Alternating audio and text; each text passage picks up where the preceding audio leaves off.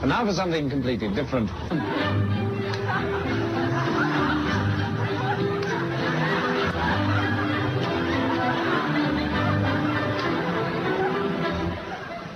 Lep pozdrav vsem skupaj. Zahvaljujem se za takšno množično pozornost. Potem je pod težo dokazov eh, tole priznal, stežka. Potem je pod težo dokazov eh, tole priznal, stežka. Mislim, da je bil datum torek 8. januarja leta 2013. Eh, Jaz sem ravno v pisarni iskal eh, svoje odgovore na vprašanja Klemenčič Praprotnikove komisije, ko sem na radiju slišal zahtevo predsednika državljanske liste Gregorja Viranta po svojem odstopu. Poročilo korupcijske komisije, ki se nanaša name, ni korektno, ne gre za akt politične inkvizicije, je netočno po vsebini, je zgrešeno v pravnem smislu in je tudi eh, zakonodaja, na katero se sklicuje, sporno z ustavnega vidika, ker naj bilo to neko dokončno poročilo, nek dokončen akt, zoper katerega ni pritožbe, čeprav je ta pravica po slovenski ustavi zagotovljena. Zato sem tudi jaz osebno vložil pritožbo ta teden in prav tako bodo sproženi vsi ostali pravni postopki, ki jih zagotavlja slovenska ustava. Je Slovenija obsojena na koalicijske vlade, v katerih je veliko število strank in da v takšnih situacijah ne odločajo najbolj ustvarjalni, najbolj konstruktivni elementi koalicije, ampak odločajo najbolj destruktivni elementi koalicije. Zdaj, to je prekletstvo Slovenije. Zdaj, kar se tiče predloga o tem, ne bi jaz sam predlagal glasovanje o zaupnici, treba najprej povedati, da je to akt, ki ga ustava izredno polaga v roke vsakokratnemu predsedniku vlade. Ni to nekaj, o čemer bi lahko odločil en koalicijski partner. Ker nezaupnica ne pride v poštev zaradi razlogov, o katerih sem prej govoril. Ne, imamo izkušnjo iz uh, leta 2011-2012. Slovenija v tem času ni v kondiciji, da si privošči štiri mesece mrtvega teka. E, smo ugotovili, da so možni trije scenariji. Ne. Prvi je, da koalicijski partneri, ki so se nekoliko zaleteli, ne da bi sploh preverjali stvari, stopijo korak nazaj in koalicija normalno deluje. Po tej dokončni odločitvi državljanske liste včeraj je ta možnost nerealna. Ostali dve možnosti, o katerih smo takrat govorili, sta bili, da Slovenska demokratska stranka pride v opozicijo, s tem nima nobenih težav, se pravi, da nekdo drug sestavi vlado, vloži konstruktivno nezaupnico, v relativno kratkem času eh, prevzame izvršilno oblast. Eh, Tudi to se je v Sloveniji že zgodilo in vemo, da je za to potrebno relativno uh, malo časa. Zdaj, tretja možnost uh, so predčasne volitve. S temi predčasnimi volitvami sta dve težavi. Ne. Ena je ta, da so postopki dolgi. Zdaj, drugi večji problem pa je v tem, da ni nobenih garancij da predčasne volitve po istem volilnem sistemu prinesejo kakšno boljšo situacijo. In uh, kaj potem?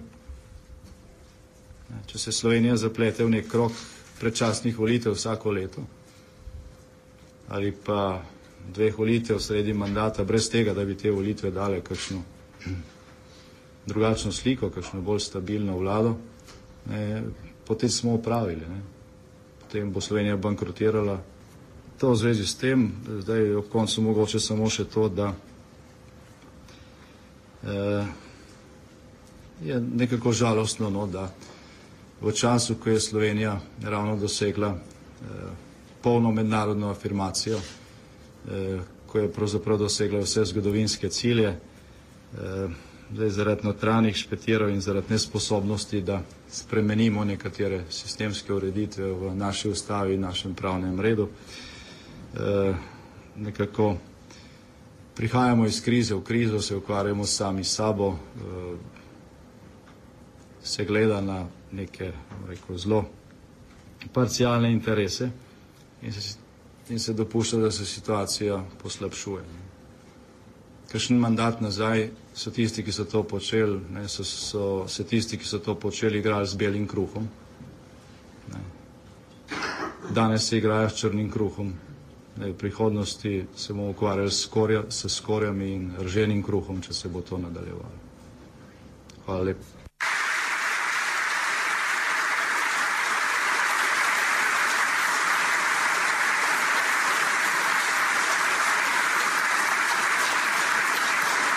Hvala lepa, hvala gospod Črno na mizo, ki je stegla v srce stvari same na slovenskem in tudi v našo srce.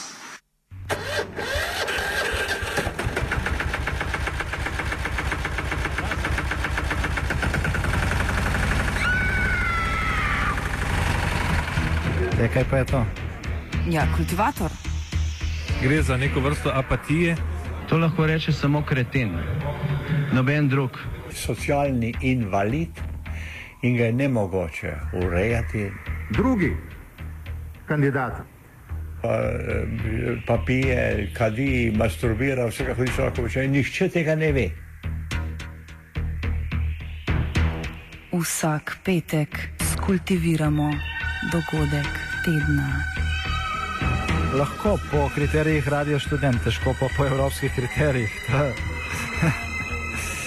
Ampak na drug način, kot vi to mislite. Kultivator vedno užge. da pač nekdo sploh omenja probleme, ki so in da pravzaprav sploh nekdo sproži dogajanje uh, v družbi. To drži, drži. Dogodkov tega tedna je bilo več. Vsekakor bi lahko izpostavili stavko javnega sektorja in sindikata kovinske in elektroindustrije, ki se je izvršila v sredo. Drugi poldogodek, ki sicer že nekaj časa lebdi v slovenski apolitični atmosferi, je dokončna odločitev izstopa dveh ministrov državljanske liste iz vlade ter predsednika stranke Gregorja Viranta iz položaja predsednika državnega zbora in odločnejša, a ne dokončna napoved Desusa in Slovenske ljudske stranke, da prav tako kmalo ne bosta več sodelovali v vladi. Tretjemu bi bilo bolje reči nedogodek in sicer gre za tiskovno konferenco Janeze Janše, ki kljub skoraj popolni izgubi podpore koalicijskih partnerjev in pritisku civilne družbe ni spremenil diskurza, pri čemer še naprej ustraja, da je njegova vlada nujno potrebna za slovenski preporod. Več razlogov, zakaj ni vredno veliko govoriti o Janševem dojemanju stanja v državi, ste lahko slišali pred kultivatorjem in jih na tem mestu ne bomo ponavljali. Kakorkoli, za nič od omenjenega se nismo odločili. Za stavko ne, ker je bilo o njej že relativno veliko povedanega. Za ostali dve temi deloma zaradi istega razloga, deloma zato, ker igra, ki se jo igra na formalno priznanem političnem prostoru, nikaj prida zanimiva.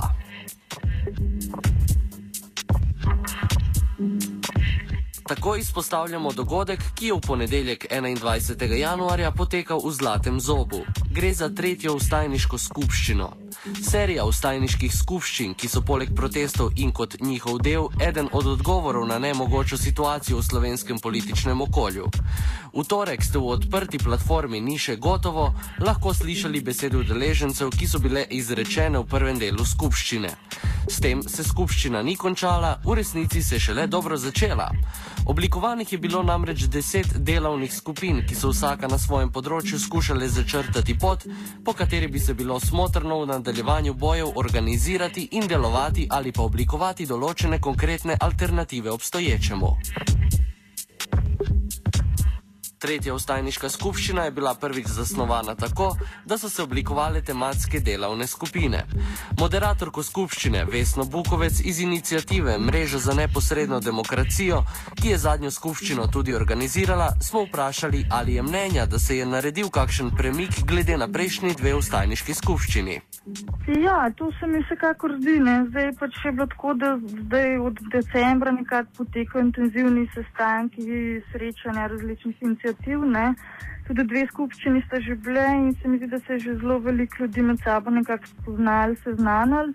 In potem se nam je pač zdelo, ko smo se pogovarjali, kako, kaj bi lahko za to tretjo skupščino pripravili, da bi bilo pa mogoče smiselno iti bolj v konkretne stvari že. Ne. Se pravi, En del smo potem namenili temu, da se vsem še pač novi predstavijo, ne tisti, ki bi želeli pač neke splošne stvari uh, predstaviti, potem pa smo rekli, nač najbolj, da se pač damo v neke skupine in gremo konkretne stvari začeti razpravljati in iskati rešitve. Ne? Ker če ne pač.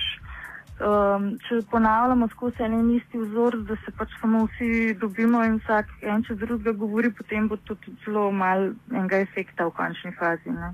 Je pa res, da se vsi pač učimo ne, in da pač se sproti razvija in se skupaj zelo odprto, tako da pojma nima, kako bo zvela četrta skupščina. Recimo, Vesna Bukovec je bila tudi nosilka del delovne skupine Kulturni in izobraževalni razvoj Slovenije. V skupini je bilo okoli 15 ljudi, pri čemer so bile izpostavljene tri glavne teme. Prva tema je bila položaj kulturnikov in umetnikov. In sicer smo pač ugotovili, da smo zelo v težkem socialnem položaju, veliko brezposobnih samozaposleni so brez delovskih pravic, neodvisna kultura pa tudi ni dovolj podprta tako strani ministrstva, se pravi financerjev, kot tudi medijev in širše javnosti. Potem smo ugotovili, da, se, da se bomo bolj aktivirali, se bomo povezali, se pravi kulturniki in umetniki in pač vsi, ki bi se želeli aktivirati, se bomo nekako v samo organizaciji in samo inicijativi po principu od spodaj na vzgor nekako aktivno povezali in uh, želimo poseči v, v prenovo kulturne politike in odločanje. Pogovarjali smo se tudi o tem, da v bistvu bi bilo potrebno um, vrniti nazaj samostojno ministrstvo, ne? se pravi ministrstvo, ki bi bilo za kulturo in umetnost in bi delovalo transparentno. Hkrati smo pa tudi ugotovili, da v bistvu se zauzemamo za to, ko je že itak določeno v ustavi, da je pač eh, crkva in država, da sta ločena, torej da se ukine financiranje crkve strani države in se pravi še posebej strani Ministrstva za kulturo uh, in tudi, uh, da se uvede obdavčitev crkve, ne? ker tukaj bi tudi kar nekaj denarja dobili za proračun. Druga tema so bili sami protesti in kultura. Tukaj smo se pogovarjali predvsem o protestivalu. Smo, um, se pravi, kulture, se pravi, sklepe da kultura pač eden izmed pomembnih dejavnikov artikulacije protestov in lahko kanalizira agresijo. Proteste lahko tudi podpre in zaščiti. Uh, protestival se vzpostavil kot odprta platforma kulturnega protestiranja in k sodelovanju vabi vse zainteresirane iz različnih področji kulture in umetnosti. Radi bi ga vključili tudi druge kraje po Sloveniji in platformo razširili tudi na sosednje države, ne, ker pač kultura je tista, ki povezuje. Um, poleg protestov smo se pogovarjali, da bi se tudi začelo organizirati različne delavnice v smeri aktivacije aktivnih državljanov, uh, pač v smislu nekih plesnih, likovnih in drugih uh, kulturniških delavnic. In končno so razpravljali tudi o potrebi po mednarodni komunikaciji, pri čemer so ugotovili. Da je treba nujno začeti samo inicijativno komunicirati na vzven in se povezati s sorodnimi inicijativami po svetu in obveščati pač po svojih kanalih ljudi, kulturnike, ustvarjalce po svetu, kaj se tukaj dogaja in za kakšne družbene spremembe se zauzemamo.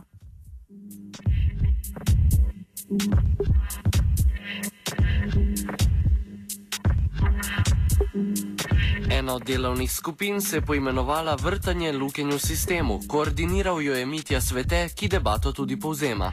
V bistvu smo se pogovarjali o protestih oziroma načinih protesta, protesta in uh, taktikah na protestih. In v luči ožanja prostora javnega izražanja in sicer onemogočanja delovanja na javnem prostoru uh, se je govorilo tudi o kriminalizaciji posameznih taktik. Torej, nek konsens uh, med skupinami je bil dosežen in sicer na ravni, da obstaja več različnih taktik na protestu in uh, vse imajo svoj prostor. Torej tudi direktne akcije, ki so kontekstualizirane v dogodek oziroma prinašajo neko politično sporočilo. Uh, se pravi, uh, prisotne skupine so se tudi strinjale, da politične direktne akcije imajo podporo vseh skupin, Eh, kar pomeni, da se aktivistov ne izloča, ne uvaja in se s prisotnostjo samo zaščiti pred eh, morebitnimi nasilnimi posegi policije. To z drugimi besedami pomeni, da se ne umika in ne poziva na odstranitev aktivistov, ki izvajajo politično direktno akcijo. Ob tem je bilo znotraj skupine jasno izraženo, da so razlike na protestih seveda dobrodošle, vendar pa. Niso pa dobrodošli nikakršni šovinizmi, nacionalizmi in seksizmi. Uh, vsako tako delovanje nima podpora med skupinami in tudi nima mesta na protestih in se jih zato tudi ne bo dopuščalo. Delovno skupino za neposredno demokracijo je koordiniral Young Man. V začetnem delu so prisotni predstavili svoje mnenje in poglede na široko področje delovanja, vključujoče oblike demokracije. Izluščilo se več poti za dosego oziroma varovanje že obstoječih institutov neposredne demokracije. Prva trenutna je borba na legalističnem področju za obrambo institutov neposredne demokracije, predvsem referendumske zakonodaje. Takoj moramo začeti varovati naše obstoječe pravice, se pravi proti temu, kar nam hočejo oduzeti sprememba ustave. Sprememba ustave je usmerjanje v manjšanje uh, referendumskih pravic. Se pravi, to je prva točka. Povečati nadzor nad sodno vejo oblasti, to lahko delamo tudi sami kot porotniki, sodniki in tako naprej. To se morajo predvsem pravniki zaktivirati. Potem proti omejitvam pravice v državnem zboru za razpis zakonodajnega referenduma, kajti to je ena od pravic opozicije, ki jih ima v tem razmerju moči v parlamentu. In pa pomemben predlog, se pravi, ustavne spremembe ni dovolj, da so sprejete samo v državnem zboru, ampak zahtevamo, da gre to na ustavni referendum za vse ljudi. Druga pot je izgradnja sistema neposredne demokracije. Torej, računalniško podprtega, ki bi ga začeli uveljavljati najprej na lokalnih nivojih, zato ker na manjših skupinah se lažje učimo takih sistemov. Predlog za uh, občinske nivoje je predvsem participatorni proračun, uh, se pravi odločanje o lokalnih zadevah, uh, kam bo šel denar, ker to je glavni vpliv, je seveda finančni, zato moramo v, v tem odločati in kasneje potem na državnem nivoju. Ob tem Young Man omeni tudi, da je že ustvarjena skupina, ki nudi virtualni prostor za delovanje deliberativne demokracije in sicer danes je nov dan, ki smo jo že gostili v radijski platformi, ni še gotovo. Naslednja delovna skupina, ki nam jo bo predstavil Nikola Janovič, se je poimenovala Borba na uradnem političnem prostoru, znotraj katere se je skušalo razmišljati, kako nastopati v že obstoječem političnem strankarskem sistemu in aktualni družbeno-politični situaciji. Ob tem so iskali alternative političnemu krču, real politike. Ena izmed alternativ, o kateri smo razpravljali formalno in subinsko, je tudi možnost organiziranega nastopa na parlamentarnih volitvah. Razprava je ponudila naslednje možnosti: ustanovitev nove zunaj parlamentarne stranke in gibanja, podporo oziroma priključitev eni izmed zunaj parlamentarnih obstoječih strank, pobudo za združevanje zunaj parlamentarnih strank, skupin, inicijativ in posameznikov v koalicijo, ki bi nastopila na volitvah od podpore gibanja civilne družbe, in listo nepovezanih poslancev, ki je podpre civilne družbe. V nadaljevanju je večina razpravljavcev izrazila skrb nad slabo upravljavsko politiko vlade in bili ob tem mnenja, da bi bila potrebna takojšnja civilno-družbena intervencija tudi preko formacije neke oblike politične stranke, govori Nikola Janovič. Dobra večina razpravljavcev se je izjasnila, da bi, podpora, da bi podprla delovanje nove politične stranke oziroma širše koalicije strank z dobrim programom in konkretnimi rešitvami, pod pogojem, da bi politično delovanje bilo zastavljeno dvotirno, torej sestavljeno iz stranke in gibanja. Večina razpravljavcev se je prav tako strinjala, da je forma vstopa v politični prostor predčasnih volitev stvar dogovora in širšega konsenza, da pa je nujno potrebno delovanje stranke in njenih akterjev zastaviti v horizontu neposredne demokracije. To predvsem pomeni, da bi recimo stranka bila zgolj instrument za doseganje zastavljenih ciljev in v poslednji instanci postopno vypeljavo instrumentov neposredne demokracije v skladu s spoštovanjem človekovih pravic, svoboščin in zaščito manjšin. Pri tem je soglasno ugotovljeno, da postopna upeljava neposredne demokracije v slovensko demokracijo ne zahteva le več transparentnosti in demokracije v političnem in družbenem prostoru, ampak da je potrebno nujno zagotoviti vzvode za ekonomsko demokracijo, socialno in ekološko podjetništvo, ki sta v skladu s svetovno nadzorsko razvojno gospodarsko politiko 21. stoletja. Debatirali so in se v določenih točkah strinjali, nadaljuje Janovič, tudi o tem, da je zakonodaja in ustava v določenih točkah potrebna, ukolikor se namerava implementirati več demokracije in manj možnosti za prisvajanje oblasti strank, posameznikov ter lobijev. Ob tem so bili predlagani različni instrumenti. Govorimo o institutu ljudske nezaupnice, to je vzpostavljeno nadzora nad delom političnih funkcionarjev in možnosti njihovega odpoklica participaciji državljank in državljanov inštitutov proračuna na ravni mesta in države ter postopnem uvajanju elektronske neposredne demokracije. Znotraj skupine so govorili tudi o problemih, ki presegajo trenutne lokalne in državne probleme in so strukturne narave. Tako so se strinjali, da bo potrebno delovati tudi širše in na daljši rok. Tako je debata rezultirala, da je z internacionalizacijo potrebno delati na strukturnih spremembah in to na daljši rok. Parciarni sklep je povedal, da ni dovolj le poseči v lokalno strankarsko demokracijo, ampak da je potrebno zadeve spremenjati sistemsko na mednarodni ravni. Nosilec skupine poimenovane socialni in zdravstveni program je bil Lenard Zajc. Fokus je bil na socialnem delu, govori Zajc.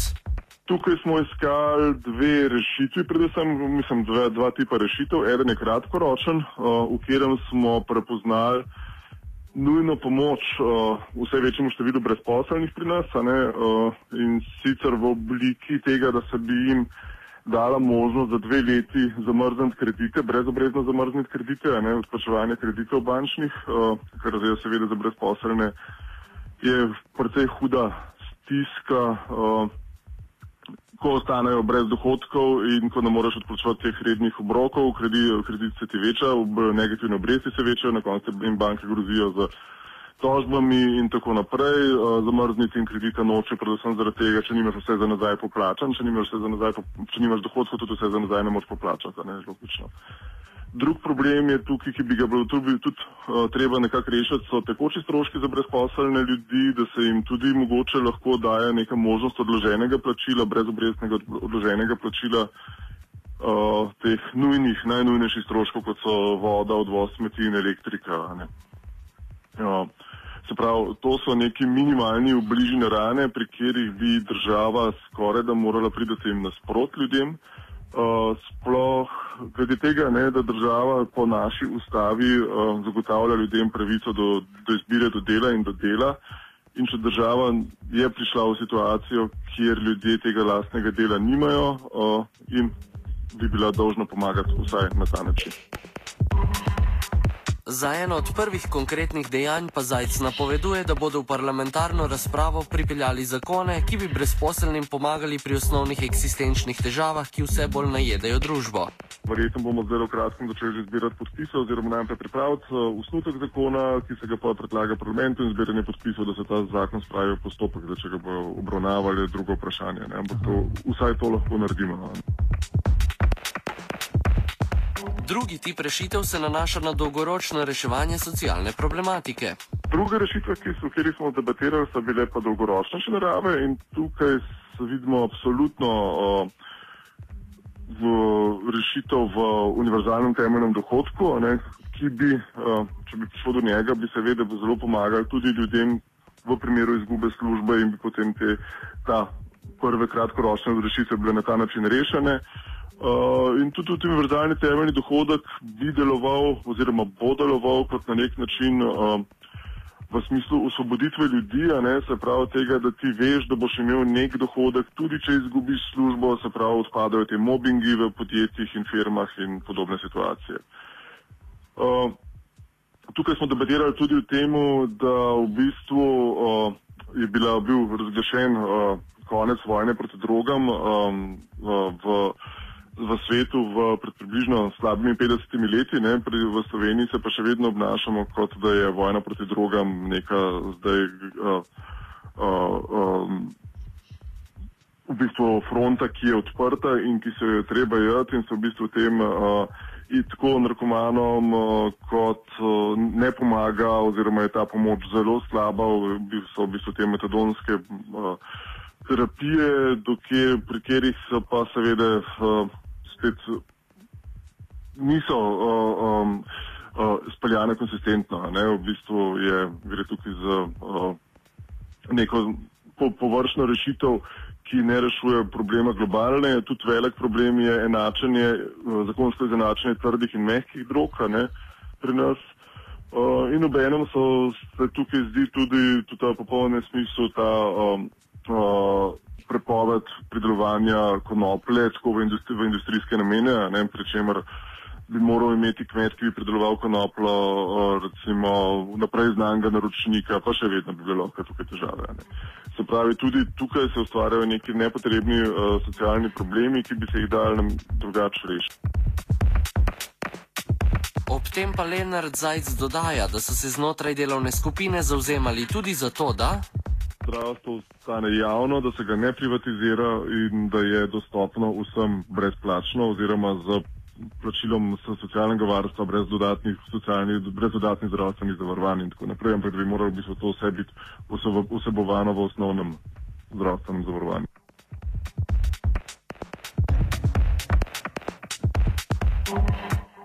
Formirala se je tudi skupina za pravni politični boj, o kateri nam je več povedala Dunja Cvek.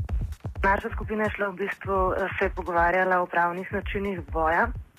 Tukaj je šla debata na dveh nivojih. Prva je bila v bistvu neko formiranje mreže, ne kot pravna pomoč v staji. Šlo bo za neke iskanje oziroma nudenje pravnih nasvetov stajnikov. Zdaj v okviru tega smo vzpostavili par dni nazaj pravno pisarno v staje, na katero bi zelo velik odziv smo že dobili kar nekaj vprašanj. Um, in um, imamo v tej v, v, v pravni pisarni deluje pet študentov, zdaj zaenkrat dva odvetnika in doktor prava. Um, seveda se bo to še naprej širilo, ne, glede na odziv. Um, potem znotraj tega smo tudi se pogovarjali o nekem um, oblikovanju letaka, kjer bi bile navedene informacije, kaj v primeru pridržanja oziroma aretacije.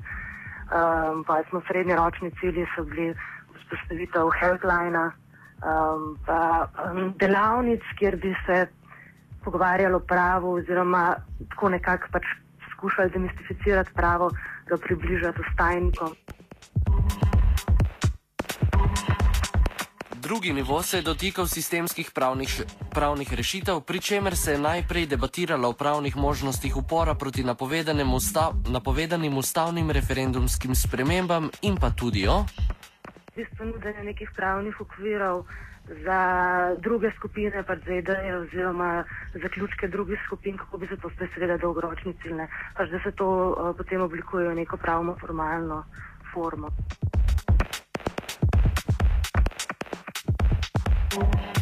Delovno skupino poimenovano tehniki predstavlja Gorazd Norčič.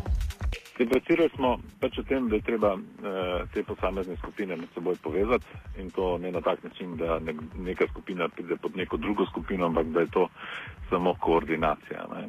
In v ta namen uh, uh, ne, bi se, ne bi se združili vsi v eni platformi, m, ki je že narejena in zdaj noter je trenutno ne, 26 skupin, ki uh, bolj ali manj sodelujejo, koordinirajo določene stvari, delamo pa na tem, da da bi bilo čim več in da bi bila ta uh, komunikacija čim bolj uspešna. Ne. Dostop na omenjeno, na omenjeno platformo ni popolnoma odprt. Če bi katera skupina želela vanjo vstopiti, je potrebno napisati mail na aktivnidržavljan.si in zaprositi za članstvo, pri čemer se bo skupnost o tem na to odločala. O tem?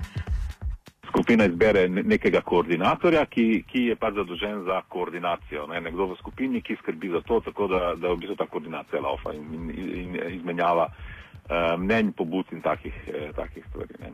Ampak za to obliko ste se odločili zaradi tega, da ne bi prišlo do neke poplave, tam nekih komentarjev po teh stvarih. To je tako, pač tako, tako, tako, tako, tako.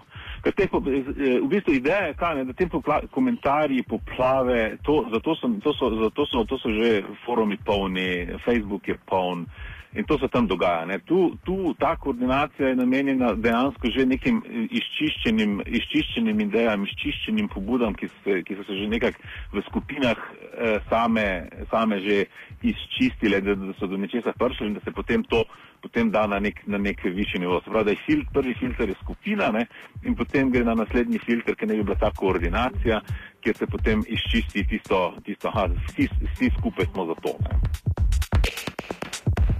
Zaključimo lahko s tem, da vstajniško gibanje nikakor ni na mrtvi točki, torej ni še gotovo. In zares končajmo z besedami Vesne Bukovec, ki je istega mnenja. Uh, ja, ne, ne, povem, da nismo končali, v bistvu je bil to res šele nastavek, ne, nek začetek in bi radi nadaljevali. Uh, je pa res, da vse, kar se kulture tiče, da je ogromno enih skupin inicijativ, ki pač tudi izven teh protestniških gibanj uh, so že zelo aktivne v zadnjem času. Tako da naš namen je nekako, da bi se te stvari, te inicijative in uh, skupine povezale, ne, uh, da bi vedeli drug za drugega, kaj kdo pripravlja in uh, definitivno, da se bomo še naprej dobivali. Ne. Je bilo pa rečeno tudi pač na prejšnji skupščini, da so pač v zlatem zobu uh, odprt prostor, tako da v ponedeljkih se lahko pač kdo se želi pridružiti pač nekim debatam, ki tam pač poteka, ampak čist neorganizirano. Ne. Tako da naša skupina se bo verjetno tudi še kaj dobila, ampak zaenkrat smo pač bolj na mailih neorganizirani. Bi pa tukaj mogoče povabila, če pač od poslušalcev, kdo bi se želel aktivno vključiti, da naj pošle kakšen mail na aktivni državljan. Um, ali pa pač po, ne nas najde po Facebooku, ne, ali pa ne pride pač v zlati zob, recimo v kakšen ponedeljek. ne.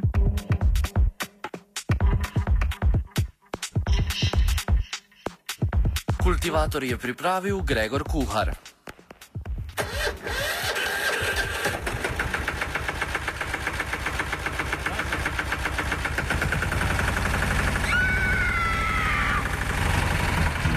Ja, kaj pa je to? Ja, kultivator. Gre za neko vrsto apatije. To lahko reče samo kreten, noben drug. Socialni invalid in ga je nemogoče urejati. Drugi kandidat. Pa, eh, pa pije, kadi, masturbira, vse kako hoče lahko počne. Nihče tega ne ve.